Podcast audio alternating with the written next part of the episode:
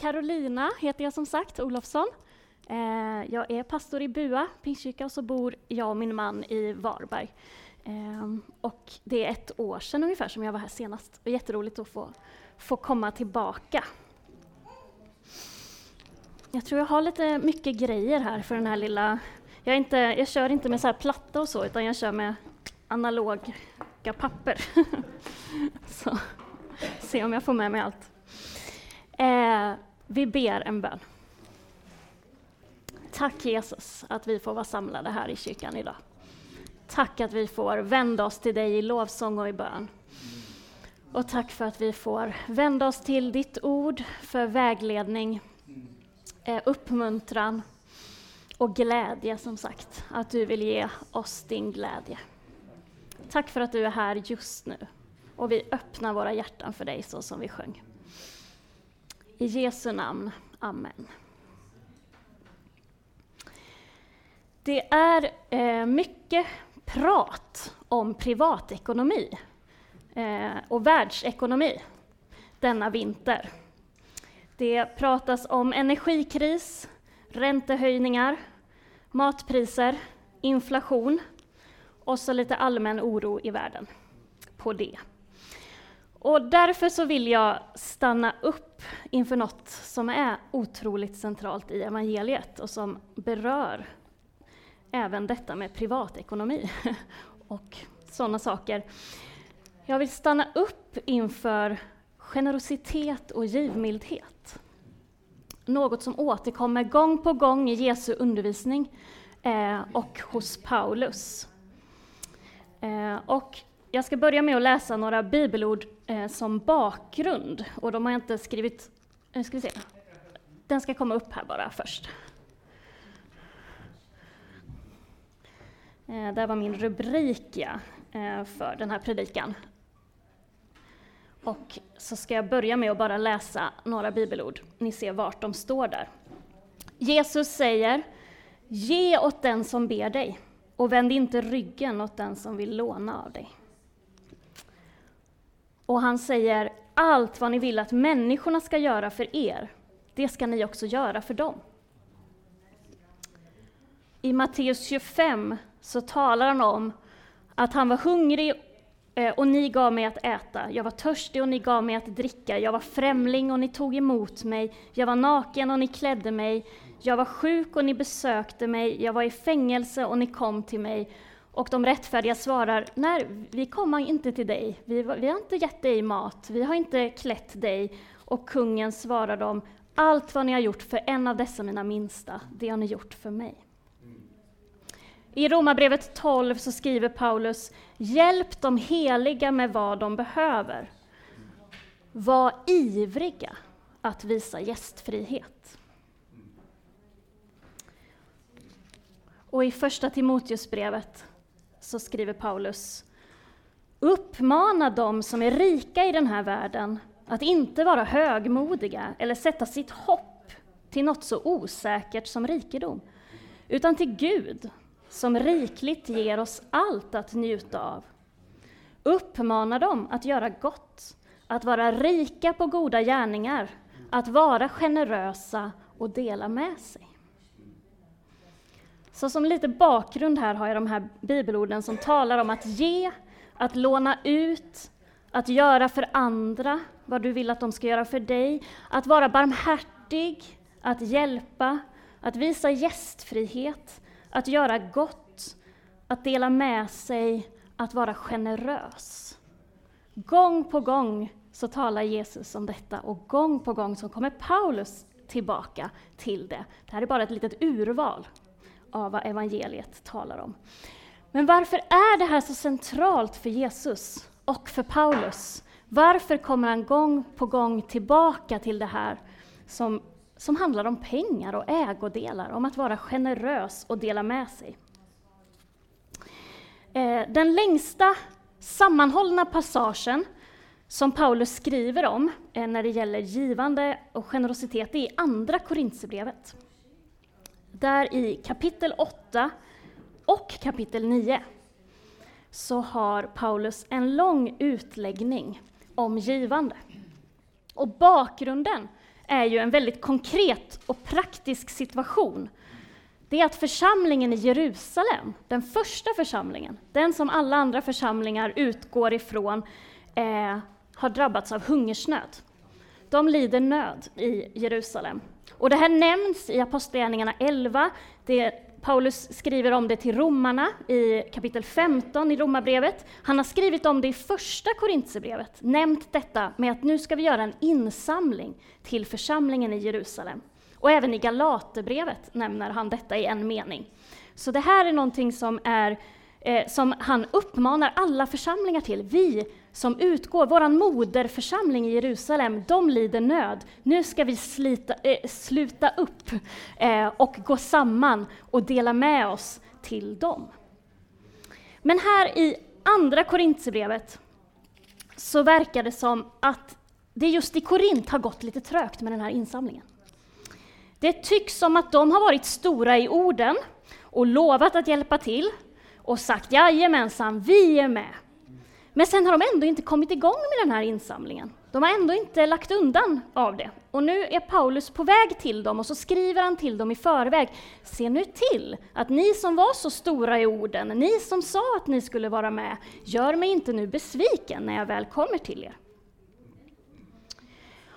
Och när Paulus skriver om det här så är det tydligt eh, här i Andra Korinthierbrevet 8 att för Paulus så handlar inte just den här insamlingen bara om pengar. Det handlar inte bara om kronor och ören här, utan Paulus lyfter fram hur den här insamlingen också handlar om hur församlingen i Korint har förstått evangeliet. Och då skriver han där i vers 9. Ni känner vår Herre Jesus stora gåva. Han som var rik blev fattig för er skull, för att ni genom hans fattigdom skulle bli rika. Så när, Jesus, när, när, Paulus talar om givande, då börjar han med att tala om Jesus. Gåvan Jesus Kristus, det är utgångspunkten och det är startpunkten för allt som har med generositet och givande att göra. Det börjar med det som Gud redan har gjort genom Jesus Kristus. Eh, givande och generositet, det är centralt för hela Guds natur. Och därför är det centralt också för oss. Några andra bibelord på temat. Johannes 3 och 16, som vi många känner om man har varit kristen ett tag. Så älskade Gud världen, att han gav den sin enda son. Inte för att döma världen, utan för att världen skulle räddas genom honom. Romarbrevet 5 och 8. Gud bevisar sin kärlek till oss genom att Kristus dog för oss medan vi ännu var syndare. Och i Efesierbrevet. Av nåd är ni frälsta genom tron. Guds gåva är det. Gång på gång betonas det hur Gud har gett av sig själv. Eh, att Frälsningen är en gåva ifrån Gud. Att Jesus, som hade allt och ägde allt av de himmelska rikedomarna, han avstod från allt det för att bli människa, leva under våra villkor och lida och dö för våran skull. Han var rik, men blev fattig. Detta är evangeliet. Det här är de glada nyheterna. Detta är våran Gud, en Gud som ger av sig själv till mänskligheten för räddning och befrielse. Och det är på den vägen som Jesus kallar oss att följa honom. Att vi blir lika honom på generositetens och givmildhetens väg. Jesus har visat med sitt liv Hit går jag. Vill ni följa mig på detta? Och det är just därför som, som hela Paulus utläggning i Korinthierbrevet här om givande handlar så mycket om vem Gud är. Det är för det är det som är utgångspunkten för vilka vi är och för vad vi kallas att göra. Så det är inte främst en fråga om kronor och ören och hur mycket eh, liksom, som det handlar om. Men genom att vara med i den här insamlingen, säger han till korinterna, visar ni hur väl ni har förstått evangeliet, hur väl ni har förstått vem Gud är och vad, hur Gud kallar er att leva. Och Jesus han lyfter också fram då flera gånger att hur vi förhåller oss till pengar och till rikedom och givande, det är ihopkopplat med hur vi ser på Gud och vem Gud är. Så Jesus säger också där i Matteus 6.24, ni kan inte tjäna både Gud och mammon. Mammon är ju alltså ett begrepp för pengar eller rikedom. Och det man ska lägga märke till här, det är ju att Jesus inte säger ni borde inte tjäna både Gud och mammon. Utan han säger ni kan inte tjäna både Gud och mammon. Det går inte. Den ena kommer att konkurrera ut den andra. Eh, det är den du främst förlitar dig på i praktiken som kommer att vara den du tjänar. Eh. För Gud och pengarna, de konkurrerar ju om samma utrymme. Har ni tänkt på det? Pengarna utlovar samma sak som Gud utlovar. Trygghet, försörjning. Det är det som pengarna säger, ja, om du bara har mig, ja men då kan du vara trygg. Samla mer av mig på banken så att du verkligen vet att du har det du behöver. Och så säger Gud, jag har vad du behöver. Jag har den tryggheten eh, att ge som du behöver. Och det är därför eh, du kan inte tjäna både Gud och mammon. Sätter du ditt hopp till pengarna eller sätter du ditt hopp till Gud? Var hämtar jag ytterst sett min försörjning ifrån? Till vem sätter jag ytterst sett mitt hopp till? Står allt och faller med hur mycket eller hur lite pengar jag har på kontot? Eller vet jag att det är djupast sett är Gud som står för min försörjning? Oavsett vilken summa som tillfälligtvis finns på mitt konto. Men samtidigt så reser sig ju såklart frågan här, liksom, men hallå, är inte Jesus lite världsfrånvänd här ändå? Vi behöver ju pengar. Alltså jag kan väl inte bara, jag kan inte bara sätta mig ner i ett hörn och säga jag bryr mig inte om pengar, jag bryr mig inte om eh, någonting i vardagen. För som jag har tittat på tv-serien Mor gifter sig, är det någon som känner igen den? Moa Martinsson, en gammal eh, bok för länge sedan som, som blev eh, tv-serie och som ligger på SVT Play. Där, där har hon, den här moden eh, som är i centrum, hon kämpar för att få ihop det för sin familj. Och så kommer farmor där och säger Gud välsigne er i detta hem. Och då säger modern, ja, ja, jag kan inte gå till handelsbon och säga Gud, Gud välsigne dig och så får jag bröd och sådär. Jag måste ju liksom kämpa. Så, så det är ju verkligheten vi lever i. Alltså vi behöver ha mat i magen och hu, eh, husrum och vi behöver ha pengar. Så vad menar Jesus här?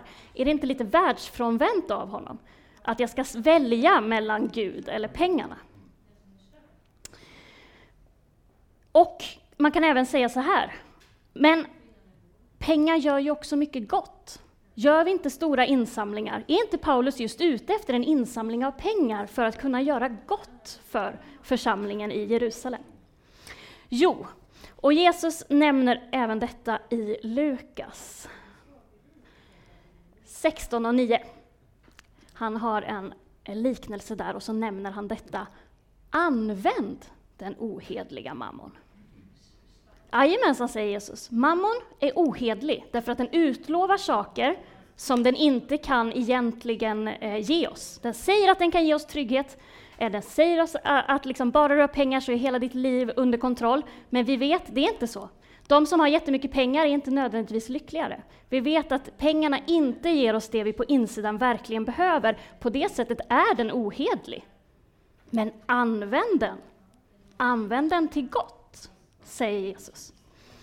Eh, de är opolitliga, men ni kan ändå välja att använda dem till gott. Och när Jesus lyfter upp det här med att du kan inte tjäna både Gud och mammon, så är det snarare det han vill säga är, se upp så att det inte blir pengarna som har makten över er, eller vill använda er, utan se till att det är du som har makten över pengarna och använd dem till att göra någonting gott. Så det är alltså hur vi använder våra pengar som säger något om vem vi tjänar. Vi lägger ju, vad vi lägger pengar på visar ju faktiskt också vad vi värderar, vad vi tycker är viktigt. Och det är ju lite olika för oss här. Vi sitter ju här och tycker lite olika saker är viktiga. Eh, någon vill lägga mycket pengar på sin bil kanske. Någon kanske vill lägga mycket pengar på, på inredningen i hemmet. Jag och Johan lägger mycket pengar på böcker. Eh, vi har till och med liksom i vår budget, en, vi har ändå sagt att böcker är en egen, den, den, kan inte ligga under shopping, för shopping ska vi försöka dra ner på, men, men böcker, det, det får vi ändå budgetera för att vi vill. Så det är ju så, vi värderar olika saker olika högt, och det visar vi genom att vi väljer att lägga pengar på det, om vi har pengar att lägga på dem. Och det tycker jag ju också ibland att man kan se i vårt samhälle. Eh, att eh, vi ändå är många som, varför blir vi så sura på när pengarna dras in från vård och omsorg och skola? Ja, men det är ju för att det visar ju att ja, men då värderar vi ju inte det tydligen. Fast man kan såklart tycka olika om hur, hur politiken ska skötas, så kan man ju ändå tycka så här, men varför lägger vi inte pengar på det som vi värderar mest. Att människor ska må bra, att barnen ska ha det bra i skolan och så vidare. Pengarna visar ändå på något sätt vad det är vi värderar och vad vi tycker är viktigt. Och jag tror att alltså det här området blir vi prövade på hela tiden i våra liv. Eh, för det är ändå någonting med det där med tryggheten. Man vill ha pengarna på kontot, man vill veta att man klarar sig en månad till. Och ska jag verkligen ge bort av det som jag har tjänat ihop. Det där blir vi prövade på som människor hela tiden. Men det är såklart också då att jag tror vi blir mer prövade när det också i samhället hela tiden talas om ja, hur ska det nu gå med matpriserna? Hur ska inflationen, eh, vad händer med inflationen? Hur ska, kommer det bli flera räntehöjningar? När allt det talet hela tiden finns i vårt samhälle och i medierna, då blir, kan man ju bli ännu mer sån, äh, nu är det bäst att hålla på mitt. Nu är det bäst att jag tar hand om det jag ändå har, för man vet aldrig vad som händer framöver. Vi, kanske faktiskt också kommer att ha mindre pengar, flera av oss. Och då är det klart, då kommer vi frestas att ge mindre till andra eller till annat.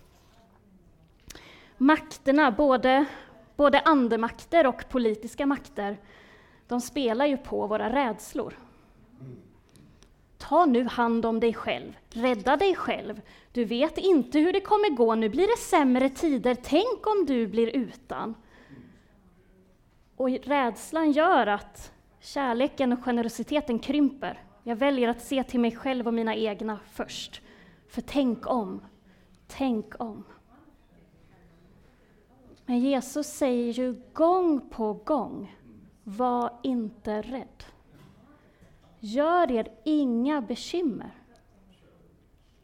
Ge, så ska du få, säger Jesus. Det är Guds rikes logik. Där samhällets logik är samla så mycket som bara den på hög. Men Guds rikes logik är ge, så kommer du också att få. Och Jesus säger, er far vet vad ni behöver, i Matteus kapitel 6. Gör er inga bekymmer, för er far vet vad ni behöver. Och i Filipperbrevet, jag tror inte jag har med den här på, på bilden, i Filipperbrevet så finns det en vers som vi många gånger gillar att citera ur sitt sammanhang, och jag tror man kan göra det. Men det är också intressant att läsa verserna i sitt sammanhang, för att förstå dem lite bättre. Jag tror ni känner igen den här, den här versen i Filipperbrevet 4, eh, vers 13. Allt förmår jag i honom som ger mig kraft. Den känner ni igen, flera av er tror jag. Allt förmår jag i honom som ger mig kraft. Men vad är det Paulus har skrivit om i det stycket? Vad är det det handlar om? Vad är detta allt som han förmår? Jo, då skriver han till exempel i vers 12. Jag kan leva enkelt. Jag kan också leva i överflöd. Med allt och med alla förhållanden är jag förtrogen. Att vara mätt och vara hungrig, att ha överflöd och att lida brist. Allt förmår jag i honom som ger mig kraft. Paulus är inte beroende av att ha mycket pengar på kontot, eller att inte ha några pengar på kontot. Inget av det är bättre, utan frågan är, är liksom, det är Herren förmår jag allt. Emellanåt så lider jag brist, emellanåt har jag överflöd. Men de två liksom, eh, parametrarna är inte det som avgör hur jag mår eller hur jag har det, utan det är i Herren som jag förmår allt, oavsett hur jag har det. Men istället för att titta inåt på mig själv och mitt eget liv så är det ju också så väldigt lätt att titta på alla andra. Eh, och ha åsikter om vad de gör eller inte gör med sina pengar och sina ägodelar och sådär. Ja, den där kan man tänka, hon har minsann mycket mer pengar än jag, hon borde göra mer faktiskt. Hon har ju resurserna. Eller, ja, ja, det är klart att han har råd att vara generös och ge så där mycket. Han, han har minsann inte mina problem. Eh, han vet minsann inte hur det är att kämpa för att få varje dag att gå ihop. Det är klart, han kan vara generös.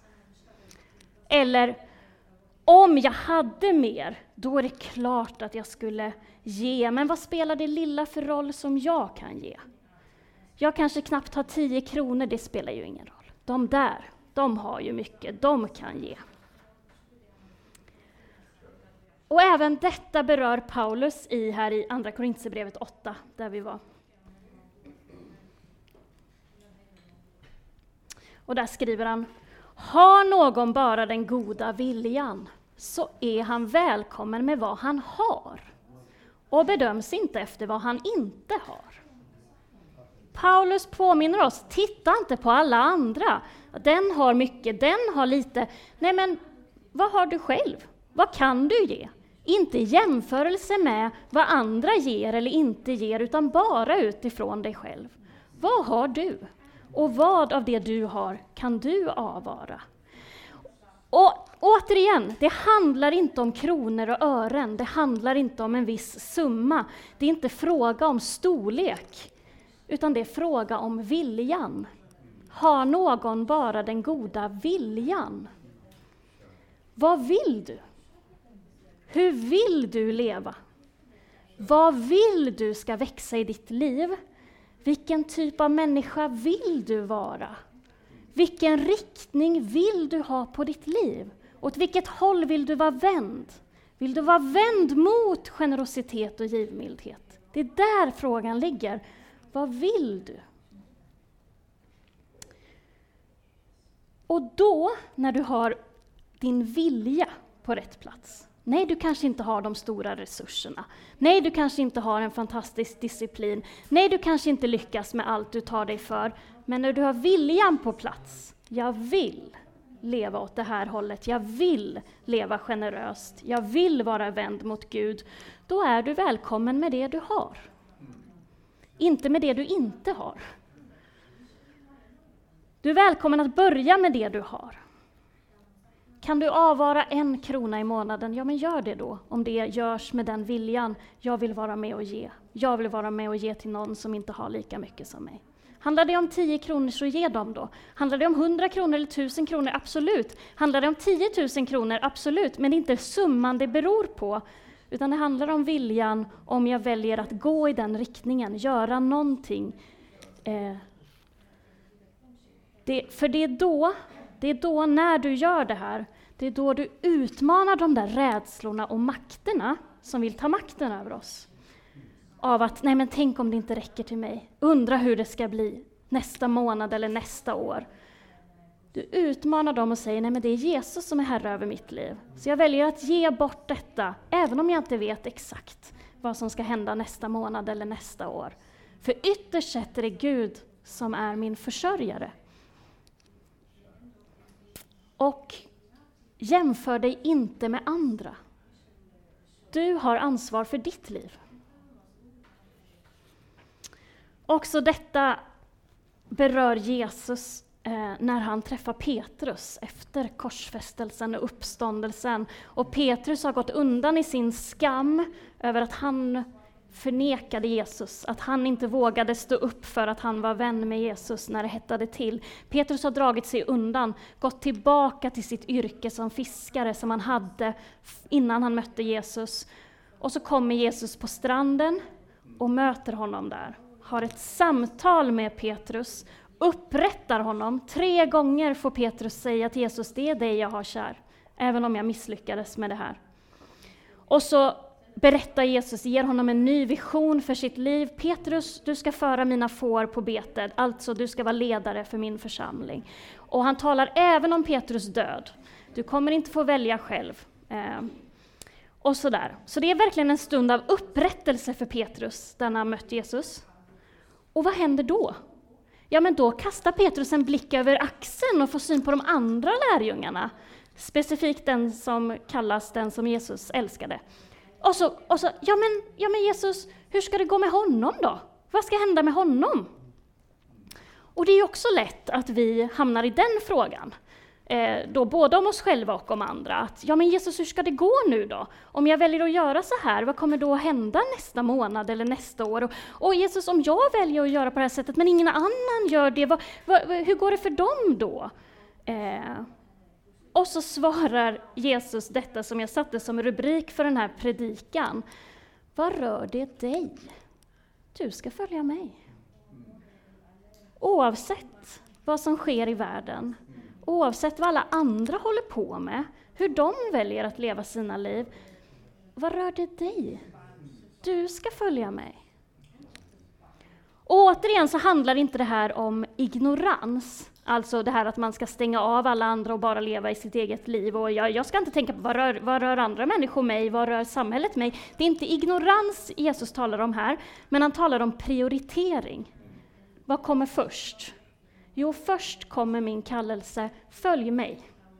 Inte håll koll på alla andra och vad som sker och händer och försök lösa världens problem och alltihop, utan vad rör det dig vad som händer? Följ mig. Det är en prioritering. Det börjar där. Att när Jesus träffar Petrus första gången, då säger han Kom och följ mig. Och nu när, Petrus har ett möte med Jesus, ungefär sista gången innan Jesus lämnar dem, då är samma uppmaning igen. Följ mig. Det är din prioritering, det är vad ditt liv handlar om. Följ mig. Vi har, vi har ansvar för många människor i våra liv. Men vi kan aldrig ha det yttersta ansvaret för någon annan än mig själv. Hur väljer jag att göra? Det vi har att ta ansvar för det är vad gör vi med det som Gud ger oss? Oavsett om det är stort eller smått. Vad gör vi med det vi har fått? Vad svarar vi på Jesu kallelse om kom och följ mig? Vad svarar vi på Guds inbjudan om att leva med honom och att leva ett liv som är generöst och givmilt. Titta inte så mycket på de andra. Jämför dig inte med vad andra gör eller inte gör. Jesus kallelse till oss att följa honom och till att leva ett generöst och utgivande liv, det gäller faktiskt oavsett hur det går med inflationen. Oavsett om räntan höjs eller sänks. Oavsett vart matpriserna tar vägen och oavsett om saker i, i samhället enligt vår mening kommer bli bättre eller sämre så är kallelsen densamma. Kom och följ mig. Att känna oro för privatekonomi eller för omvärldshändelser, det är ju inte konstigt. De känslorna bär vi alla, och mer ofta eller sällan. Men vi behöver gång på gång påminna oss om att inte låta den här rädslan och oron ta makten över oss. Därför att det är Jesus som har all makt. Och det är honom vi följer. Så därför betonar Paulus, när han ska tala om givmildhet, om insamling av pengar, så betonar han, vem är Gud? Vem är Jesus? Där börjar det. Ni känner vår Herre Jesu Kristi stora gåva. Han som var rik blev fattig för er skull, för att ni skulle bli rika genom hans fattigdom. Vi tillhör en Gud som ger av sig själv till oss. Och han kallar oss att följa honom på den vägen, mot generositet och givmildhet och ett utgivande liv i kraften från honom. som gjorde allt för oss. Vi ber tillsammans. Tackar dig Jesus, att vi får stå inför ditt ord och inför dig själv. Vi tackar dig för att du gav ditt liv, att du avstod från allt vad himmelsk härlighet och rikedom hade och valde att komma ner på jorden för att bli som en av oss, för att ge av ditt liv för våran skull. För att vi skulle få ta, ta emot en rikedom av befrielse och frälsning och upprättelse, helande och glädje ifrån dig. Och Jesus, du ser hur det känns skakigt i vår värld just nu. Du ser att flera av oss säkert bär på oro för vår egen ekonomi eller för världens ekonomi eller för vart det är på väg, Herre. Så tack för att vi får påminna oss idag om att det är du som har all makt. Att vår oron och rädslan inte ska ta över för oss, Herre. Utan vi får lyfta vår blick och sätta vårt hopp till dig, för du är ytterst ansvarig för vår försörjning och vår trygghet, Herre. Det spelar ingen roll vad som händer runt omkring. Du står fast, du är densamme igår, idag och i evighet, och din kallelse till oss står fast. Att följa dig. Att följa dig på en väg mot givmildhet och generositet. Där vi får vara med och ge av allt det goda som du har gett oss till andra. För att ditt rike ska få komma på den här jorden. Herre, vi ber att din vilja ska ske och ditt rike ska komma. Och vi tackar dig för att vi får vara en del av det, Herre. Att vi får gå tillsammans med dig, Herre. Och visa på dig i den här världen. Tack för ditt ljus och för ditt hopp, Herre. Och jag ber om mod hos oss att våga överlåta våra liv i dina händer. Även när det känns osäkert och svårt, Herre. Kom heligande och verka bland oss. I Jesu namn, Amen.